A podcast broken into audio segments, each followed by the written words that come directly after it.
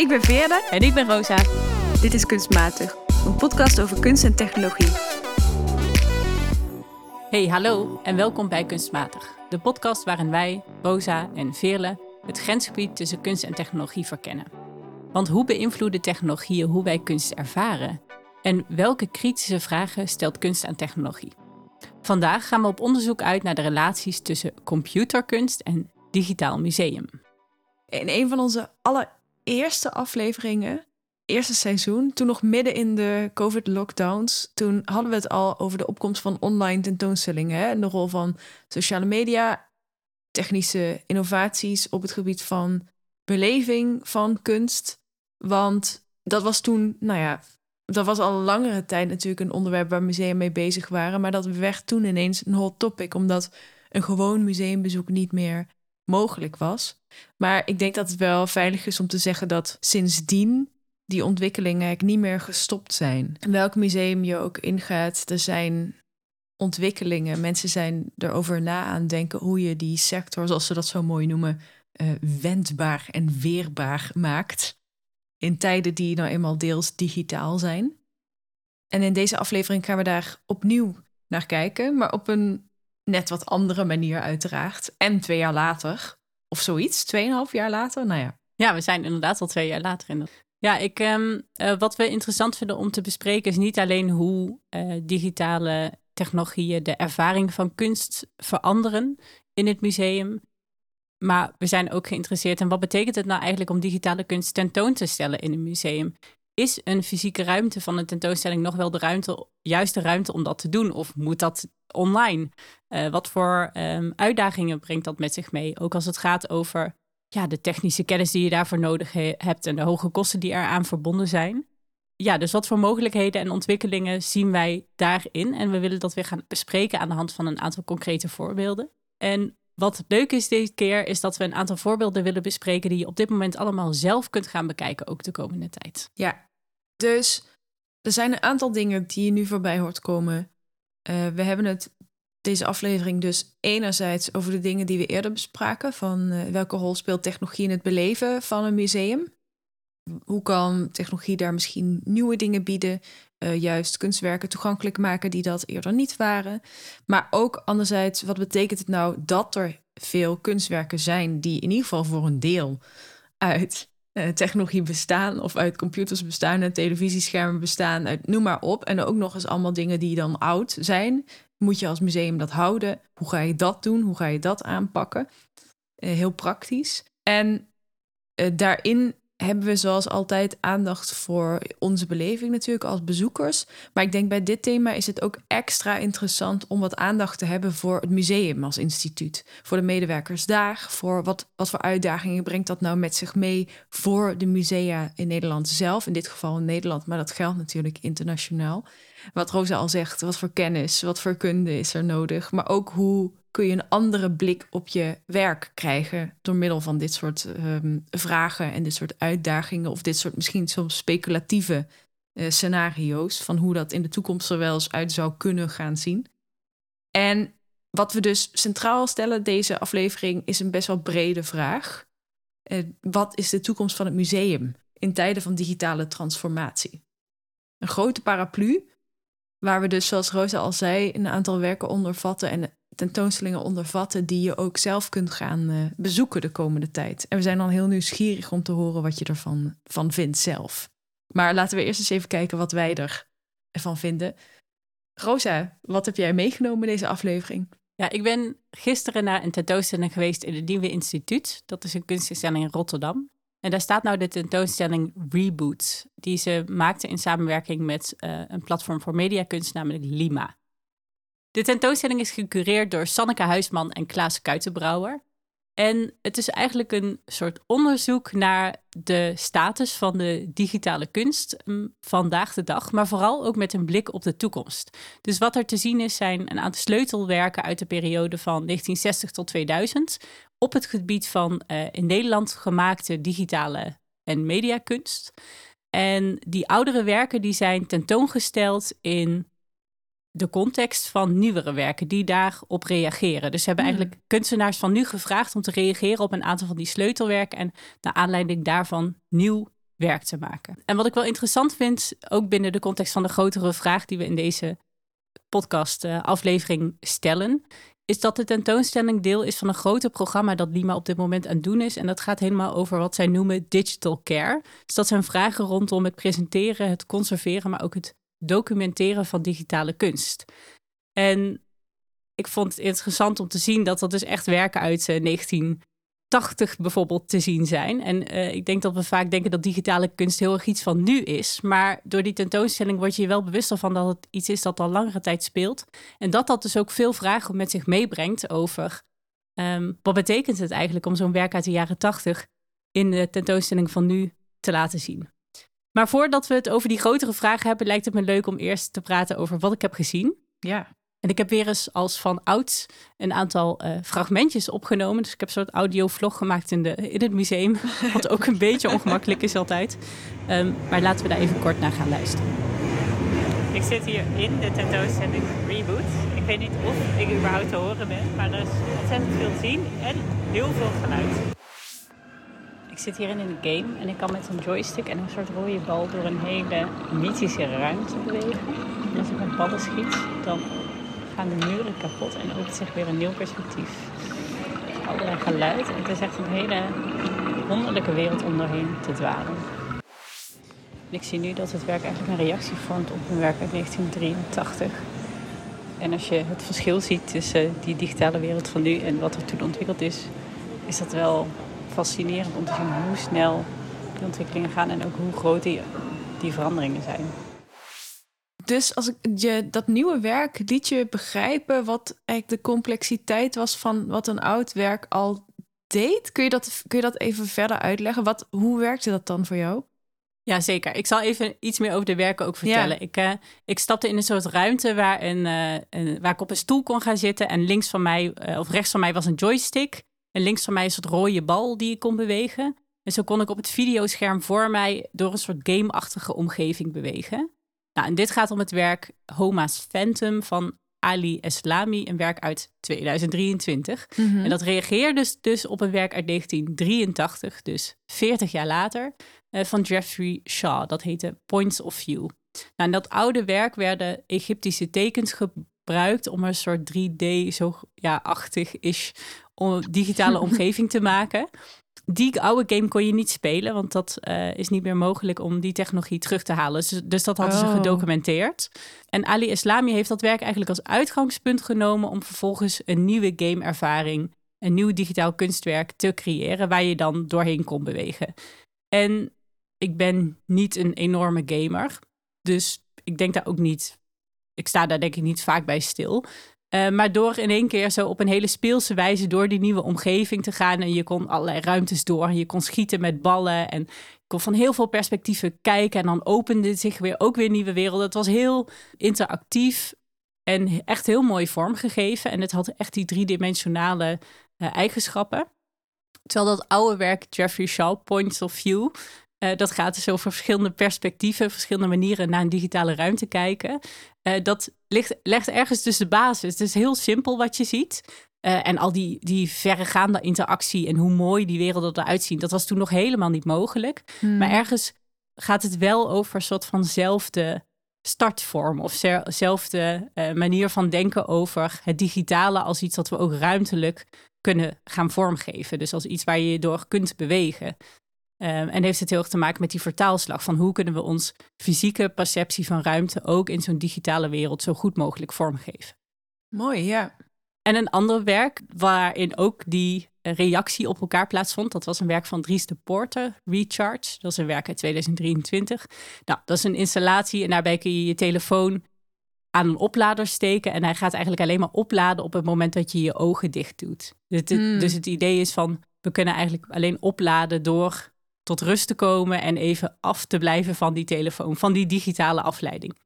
Nou, en dat werk was een reactie op een werk van Peter Luining, Clickclub uit 1996. En dat is een werk dat tentoon was gesteld op drie oude computerschermen, waarbij je hele, ja, wat we nu zien als een beetje simpele mm, visualisaties zagen. En dan kon je op allerlei blokjes bijvoorbeeld klikken. En dat werk was een soort gevecht om de aandacht. Heel veel prikkels, maar ook heel hele simpele vormgeving. En daarbij was het juist de bedoeling om je als het ware helemaal te overprikkelen.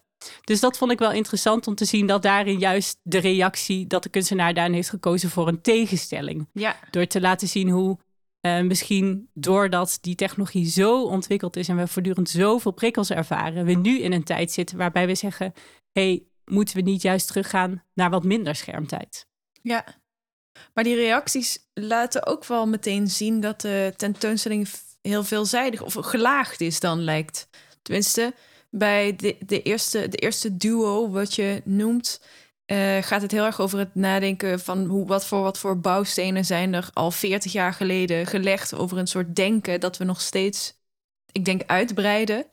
Als je mhm. ziet hoeveel mensen er nu nadenken over het vormgeven van lichamen, van ruimtes door middel van augmented en virtual reality, dan is dat een vraagstuk dat nog steeds de gemoederen bezighoudt. Ja, absoluut. En, en dat dat toen al is begonnen.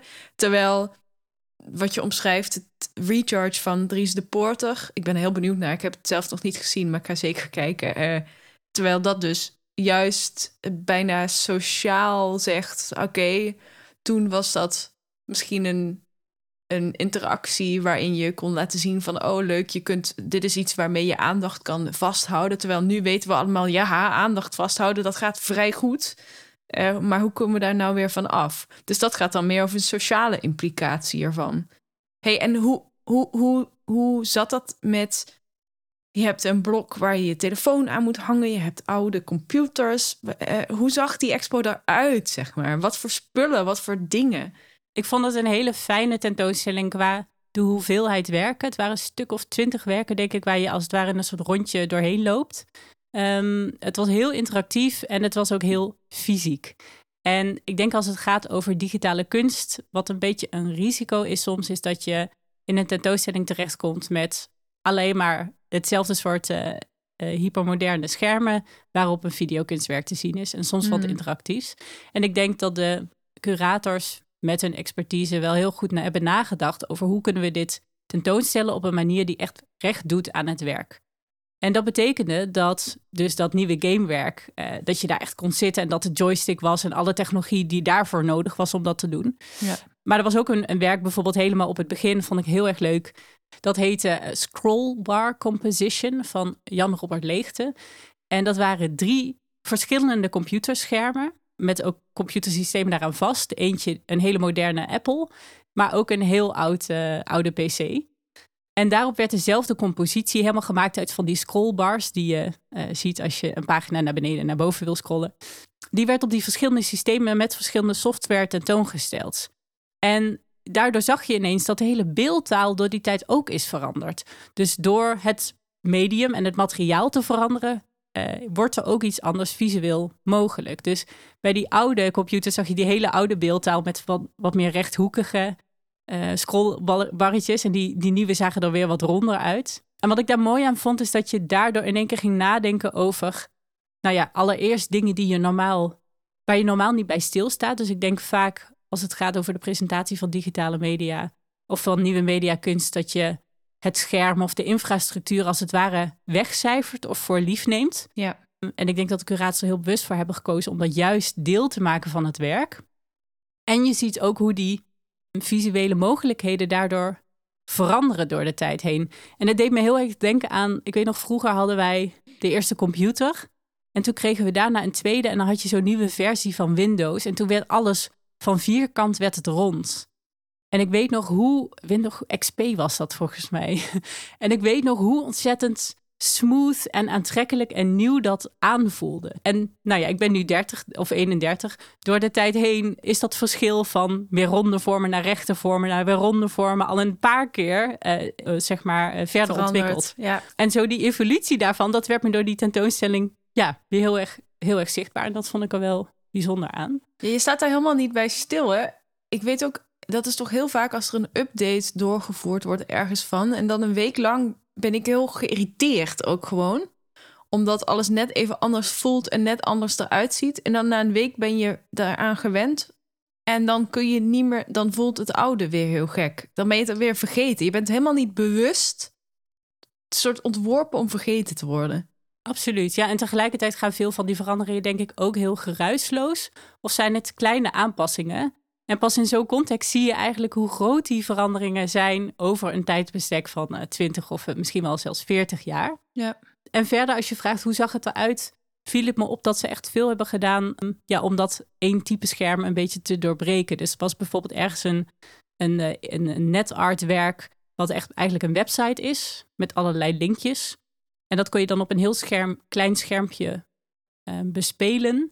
En dan werd het geprojecteerd op een heel groot uh, doek, waardoor andere mensen met je mee konden kijken. Dus zo, mm. zo denk ik dat ze een hele ruimtelijke invulling aan de tentoonstelling hebben gegeven. En als je nou terugkijkt op je bezoek aan deze tentoonstelling, wat, wat neem je daaruit mee? Nou, ik denk dat het thematisch gezien roept het ook interessante vragen op, onder andere over de politiek van het internet, uh, over mensen en technologie. Maar voor mij was die kritische dimensie niet per se wat het meest bleef hangen. Mm -hmm. Ik denk wat ik het interessantste daaraan vond, is echt om die, dit type kunst eens een keer in een groter perspectief te zien. En die ontwikkelingen zo te zien. En daardoor ook eh, het feit dat het voor mij tastbaar werd gemaakt dat vragen die kunstenaars nu stellen, soms al 40 jaar geleden werden gesteld. En een belangrijk voorbeeld daarvan was een werk dat uit de jaren 90, uit 1991, wat toen al op zoek ging naar een artificiële manier om kunst te maken. Hmm. we hebben het nu heel erg over AI en DAL-I en programmeren en kunst. En het idee van, oh interessant, we kunnen nieuwe manieren van creatief zijn waarbij we het systeem kunst laten maken en daarbij voorbij de menselijke creativiteit gaan. Hmm. Nou, precies hetzelfde, dezelfde vraag werd eigenlijk al toen gesteld. Hmm. Maar dan in relatie tot computerkunst en, en software dat die, uh, dat die uh, kunst ontwikkelde. Dus ik vond het mooi om, om te zien hoe lang die vragen eigenlijk al spelen. En tegelijkertijd zag je ook heel erg hoe die, die beeldtaal ook heel beperkend is. Dus wat toen misschien daaruit zag als ongelooflijk veel nieuwe mogelijkheden, lijkt nu eigenlijk vanuit het perspectief vanaf nu ook heel beperkt. Dus het is eigenlijk heel typerend voor die tijd hoe die, hoe die visualisaties eruit zien, welke kleuren er worden gebruikt, welke vormen überhaupt mogelijk waren. Hè? Er kan nu zoveel meer. Maar omdat het toen zo nieuw aanvoelde, stond je er denk ik toen niet bij stil. Dus voor mij vormde het een mooi inkijkje in de hele recente kunstgeschiedenis en wat voor interessante dingen er allemaal gebeuren op het gebied van digitale kunst.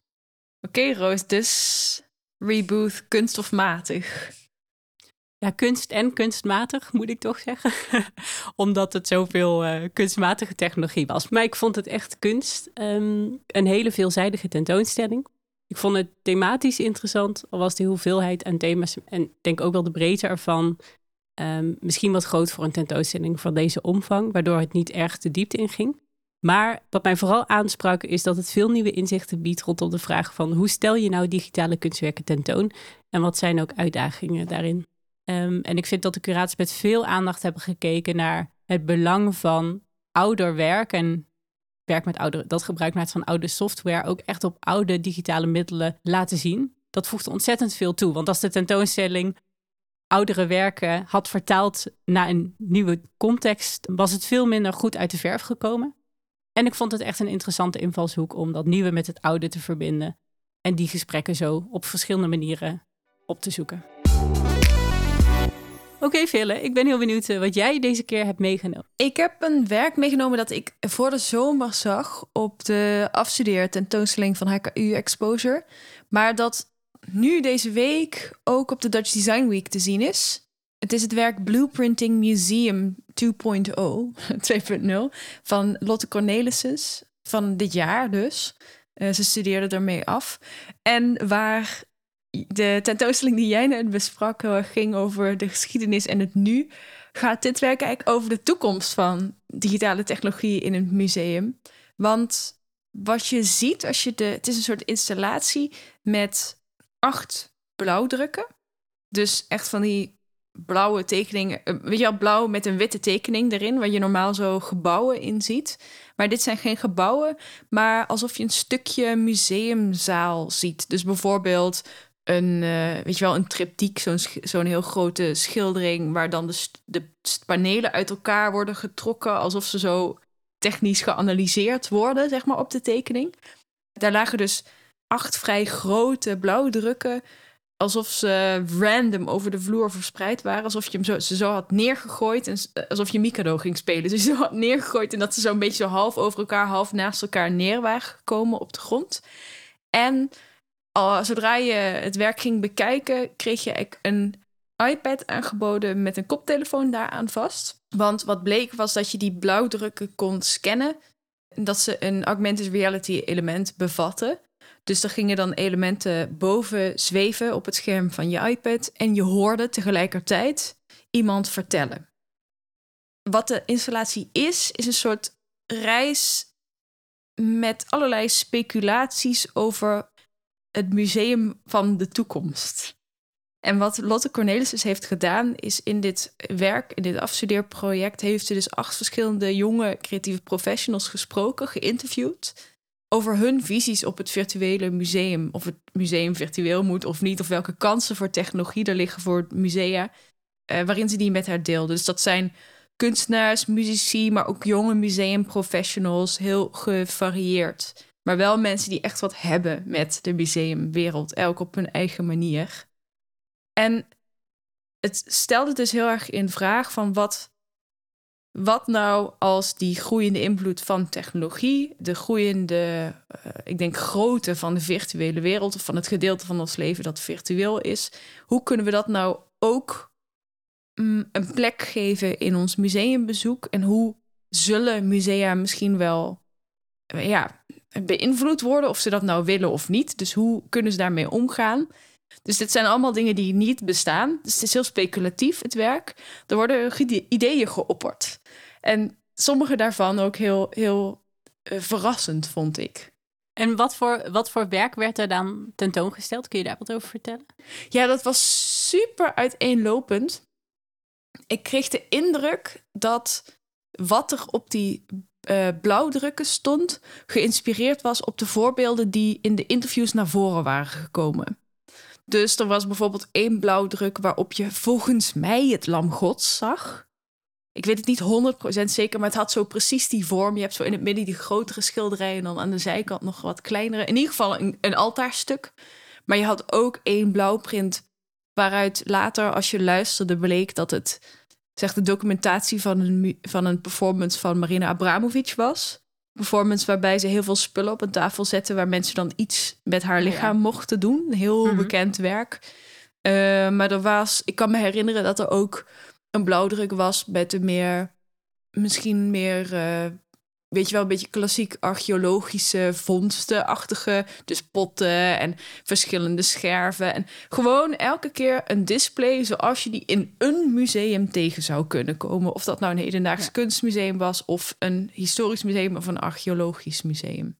Dus echt referenties naar bestaande werken. Ja. Ehm, en, en wat de, de interventie van de kunstenaar is, is juist dus nog naar de ruimte te gaan kijken. Van hoe worden die werken tentoongesteld en niet per se wat is het werk dat daar dan exact. dus het ging niet per hm, se om welk werk dat precies was, maar het deed er wel toe dat het verschillende type uh, werken waren.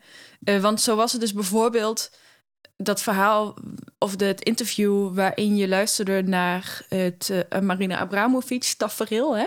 Dat was iemand die heel reflecteerde op van ja, ik zou het zo, wat ik dan mis als ik kijk naar performancekunst die, waar ik niet bij ben geweest, want toen leefde ik nog niet.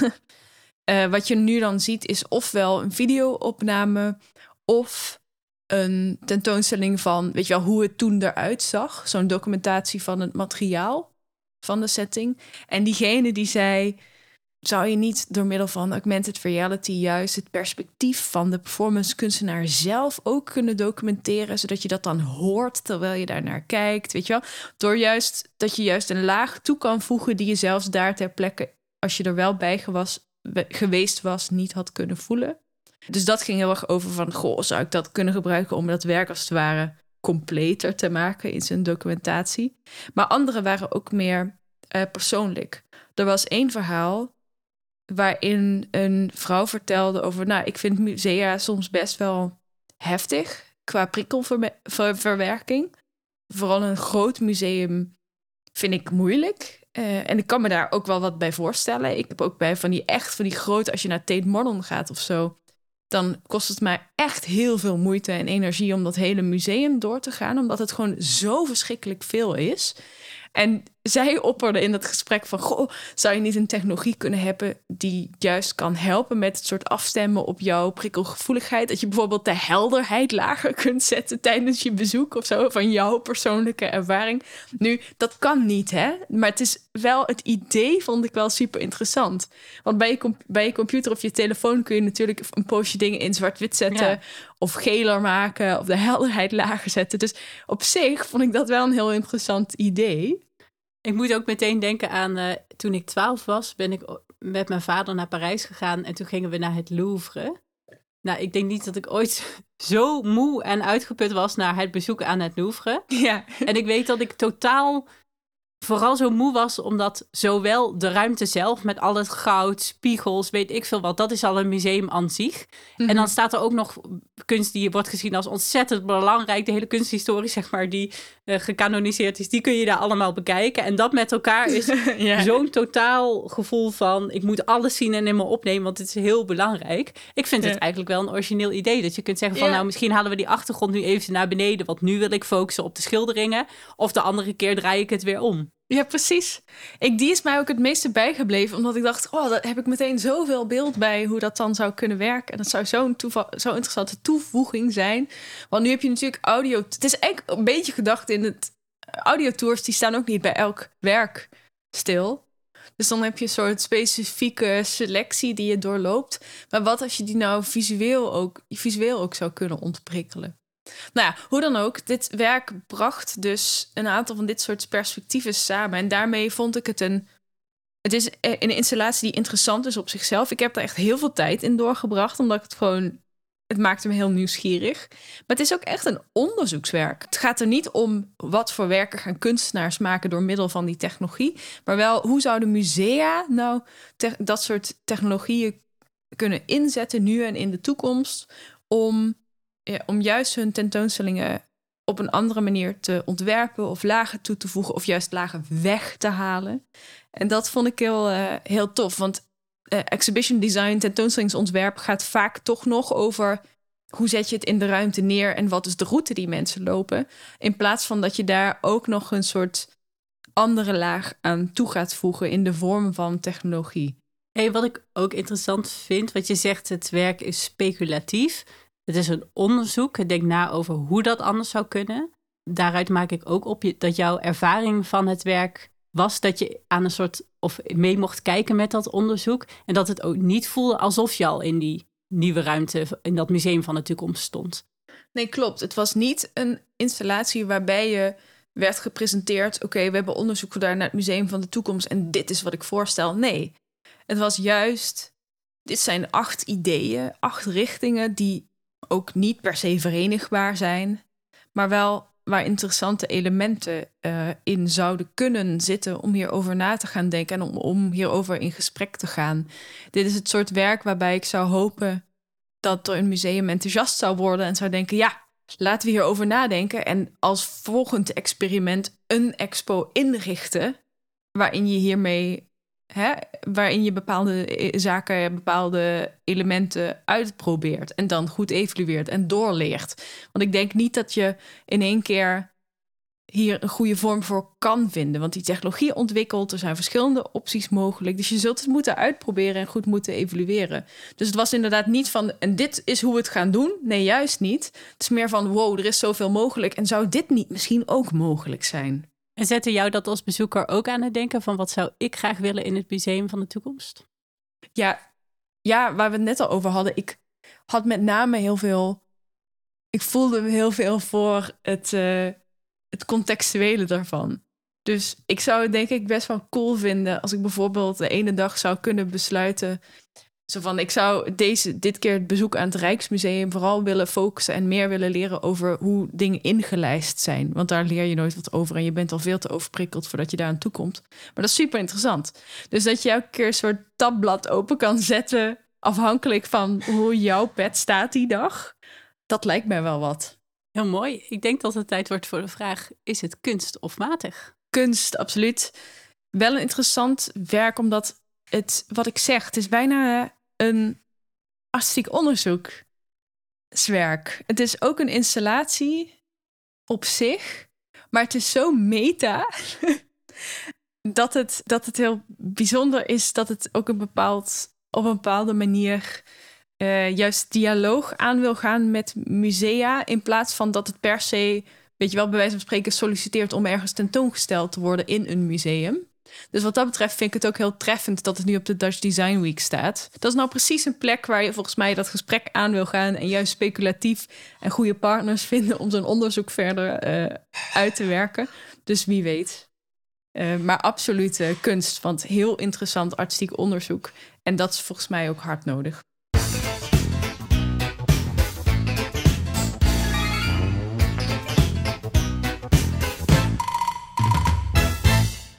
Van een augmented reality museum gaan we naar een tentoonstelling op je desktop.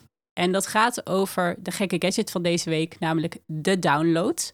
En dat is een serie van Rhizome, een uh, kunstplatform, waarbij je een groot bestand met allerlei kleinere bestandjes kunt downloaden op je computer of op je laptop. En daar vervolgens uh, mee aan de slag kunt gaan. En dat kunt onderzoeken als ware het een tentoonstelling. Ze doen dit al een heel aantal jaar. Ik weet trouwens niet of ze het de laatste jaren nog doen, maar alles staat wel nog online. En dan kun je dus bijvoorbeeld ervoor kiezen om uh, een uh, expo te downloaden. Die heb ik trouwens gedownload. Het is van Dennis Coopers en die heet uh, GIF Novels, dus gifjes. Dus een roman gemaakt van gifjes. Uh, dan moet je downloaden, een zipje download je via de website van uh, Rhizome. We zetten hem in de show notes. Probeer het zeker uit, ook uit. Er is een hele serie. En deze specifiek, die download je. Het was iets van 500 MB of zo, best wel stevig. En toen kon ik vervolgens de novel openen, gewoon op mijn desktop. Het was een HTML-bestand. En dan werd ik er doorheen geleid. En het was een heel bizar iets. want het is, dit was een boek aan letterlijk wat het is, een, een soort boek met hoofdstukken, dus chapter 1, chapter 2, chapter, et cetera, maar alleen maar gifjes. De ene nog raarder dan de ander, want ja, gifjes. Ja, en door te downloaden wordt natuurlijk iets wat publiekelijk op het internet staat, jouw eigen privé bezit, of zo voelt dat. In mijn geval download ik een werk uh, Technologies of Care van Elisa Jardina Papa. En dat is wel grappig, want die kunstenaar ben ik een keer tegengekomen, of haar werk in een tentoonstelling in Duitsland. En haar downloadserie bestaat eruit dat er een serie interviews zijn, waarbij je zowel de audio kunt horen, maar ook de tekst kunt teruglezen, waarin ze mensen die digitaal werk doen of werk in de digitale context uh, doet, uh, interviewt. Dus hier zien we een stukje artistiek onderzoek dat volgens mij aan het werk dat ik toen in die expo zag vooraf ging. Ah. Um, en ik vond het wel heel mooi om, uh, om op zo'n andere manier eigenlijk soort van de achterkant van dat, uh, van dat werk een keertje zo te zien. Dus de download, een hele serie met kunstwerken die gewoon gratis en voor niks jou, van jou kunnen zijn op jouw eigen laptopje of computer thuis. Probeer het eens uit en probeer je laptop eens voor wat nieuws te gebruiken dan normaal, namelijk om kunst te kijken op een sokkeltje. In deze aflevering op het sokkeltje staat een installatiekunstwerk dat heel mooi bij het thema van vandaag uh, past. Het heet The Heart of the Heart en het is van Teresa Fernandos Peyo. En ik zag het afgelopen weekend in het Dordrechts Museum. Daar is het ook nog tot januari, tot half januari te zien. Echt heel erg de moeite waard. Het was onderdeel van de tentoonstelling A Room with a View. En dat was een expo waarin je werk zag van een aantal jonge afstudeerders van de Design Academy, van de Master Contextual Design en zo ook Theresa's werk. En wat je zag was een, nou ja, een altaarstuk. Dus waar ik het net trouwens ook al over had, zo'n panelen ja, zijn toevallig. deze aflevering. Blijkbaar, ja. ja. Uh, dus in het, in het midden groter en dan aan de zijkanten. Alleen was dit geen altaarstuk zoals dat van de gebroeders van Eyck met, hè, met eh, schilderij. Maar was het totaal gemaakt van technologie. Dus je zag kleine schermpjes met neonletters die doordraaiden, hè, die langs uh, liepen. Uh, je zag schermpjes waarop een, iets niet helemaal goed ging. Het ging niet helemaal lekker met de schermpjes, zeg maar waarop een webpagina zag die telkens flikkerde en glitchte. Eh, je zag heel veel kabels, eh, kleine eh, printplaatjes, onderdelen die uit computers waren gehaald, die met allerlei kabels aan elkaar verbonden waren. Al snapte ik niet helemaal hoe het functioneerde. Ze waren wel aan het werken samen op de een of andere manier.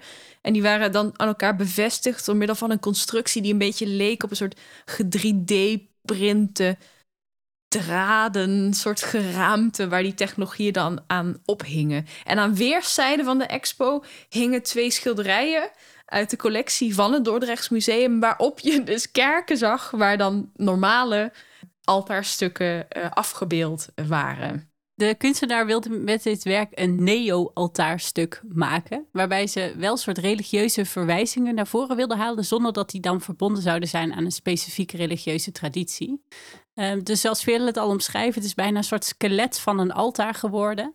Maar waarbij altaren vaak worden gemaakt van materialen die we als heel waardevol zien, heeft zij in dit geval gebruik gemaakt van afgedankte elektronica.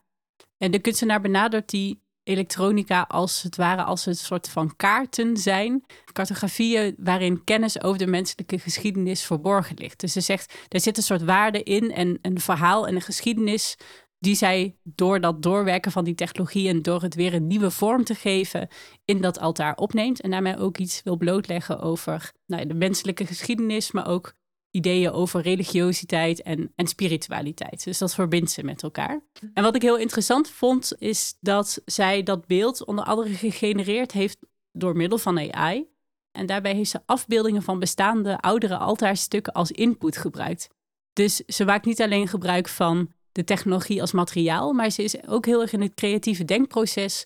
Um, heeft ze gebruik gemaakt van uh, kunstmatige intelligentie om erover na te denken van hoe zou dat eruit kunnen komen te zien. Wat je ziet is dat, en waarom ik vind dat het ook zo linkt aan, de, aan het thema van vandaag, van deze aflevering, is dat het werk op de een of andere manier een reactie is op wat stellen wij tentoon? Waar hechten we waarde aan? Wat is van belang om te bewaren? En hoe toon je iets? Want het is best wel imposant werk. Terwijl wat jij al zegt, de stukjes technologie die erin zitten, zou je normaal gesproken. Mijn vader heeft zo'n bak op zolder. Ja, precies. Weet je wel? Met kabels en onderdelen en dingen. En dan zeggen wij altijd: waarom bewaar je dit? Gewoon omdat je het waardeloos vindt. Hij vindt dat niet trouwens, maar de gemiddelde mens wel. En daar, op basis daarvan is dat werk gemaakt. En tegelijkertijd zie je in de kamer daarnaast, weet je wel, een hele muur vol met eh, potten waar stukken scherf van ontbreken. Hmm. Vind ik bijna hetzelfde, hetzelfde genre, waarvan je denkt, ja, maar soms denk ik, waarom moeten we nou al die potten bewaren? Maar dat is wel de functie waar een museum voor staat, een afweging die een museum moet maken, bewaren, wegdoen. En wat als je als je bepaalde dingen uit je collectie zet, op basis waarvan doe je dat dan? Dat vind ik echt een heel mooi idee, ja. Ja, dus ik zie heel erg een link. Het gaat niet alleen over religie. En natuurlijk gaat het ook, ik denk, over hoe we op een vrij religieuze manier soms nadenken over technologie als soort redder van de wereld. Maar tegelijkertijd vond ik het ook een werk, juist omdat het daar in het museum stond, juist omdat de kunstenaar ook het depot in was geweest voor inspiratie. Zie ik een link tussen hoe musea kunstobjecten behandelen en hoe we ook technologie behandelen als een soort van relieken die we moeten bewaren. En zij heeft dan relieken gemaakt van oude stukjes technologie die we doorgaans als niet zo waardevol zien. En ik denk dat dat ook ons weer heel mooi terugbrengt bij uh, wat we aan het begin van de aflevering bespraken over die vragen rondom het bewaren, het zorgen voor technologie en voor digitale kunst en wat voor uitdagingen dat met zich meebrengt. En ik denk wat het werk mooi laat zien, en waar ik ook door die reboot tentoonstelling over aan het nadenken werd gezet, is dat we misschien de neiging hebben op de technologie van nu als iets heel vanzelfsprekends te zien. Mhm. Ehm, en ook het idee hebben dat dat, dat er altijd wel zal zijn. En dan zijn er kleine veranderingen, misschien een nieuwe versie van een iPhone, een update van een software systeem. En dat nemen we voor lief, daar gaan we in mee. En voor je het weet heb je een hele hoop technologie en software die onbruikbaar is ehm, geworden, die we waarvan we ook niet meer weten uh, of we het nog kunnen gebruiken of het gaat kapot. Mhm. En dit werk brengt dat oude met het nieuwe op een hele mooie manier samen en zegt: het is niet alleen iets wat gaat over technologie. Maar het zegt ook iets over ons als mensen. Het vertelt ons iets over de geschiedenis en over bepaalde waarden. Ja, en uiteindelijk is dat denk ik ook wat ons terugbrengt waarom het museum zo'n interessant instituut is om te overwegen in, dit, in deze context. Omdat musea gaan over die vraag van wat vinden wij van waarde, wat moet er bewaard worden, wat moet er uh, toegankelijk zijn, getoond worden, gedeeld worden, welke verhalen moeten er verteld worden.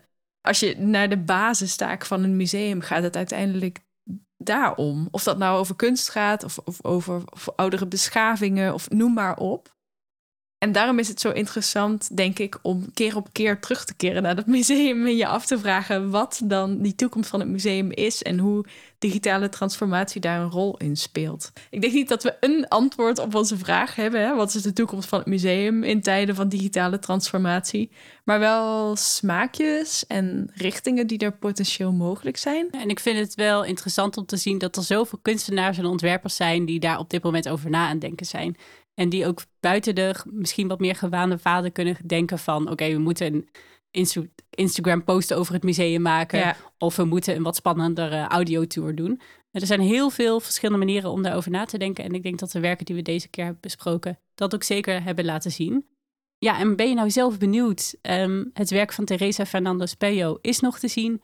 Reboot is nog te zien. De downloads van Rhizome kun je zelf downloaden. Dus ga dat vooral doen en laat ons ook even weten wat je ervan vond. Dat vinden we altijd leuk om te horen. Wil je de werken zien? Kijk op onze Instagram, kunstmatig de podcast. En wil je meer weten over ons? Ga naar onze nieuwe website www.kunstmatig.net. Samenwerken, opmerkingen. Stuur ons altijd gewoon een berichtje. Dat kan via info.kunstmatig.net. Vinden we heel leuk. Hey, en dan uh, tot volgende maand. Doei!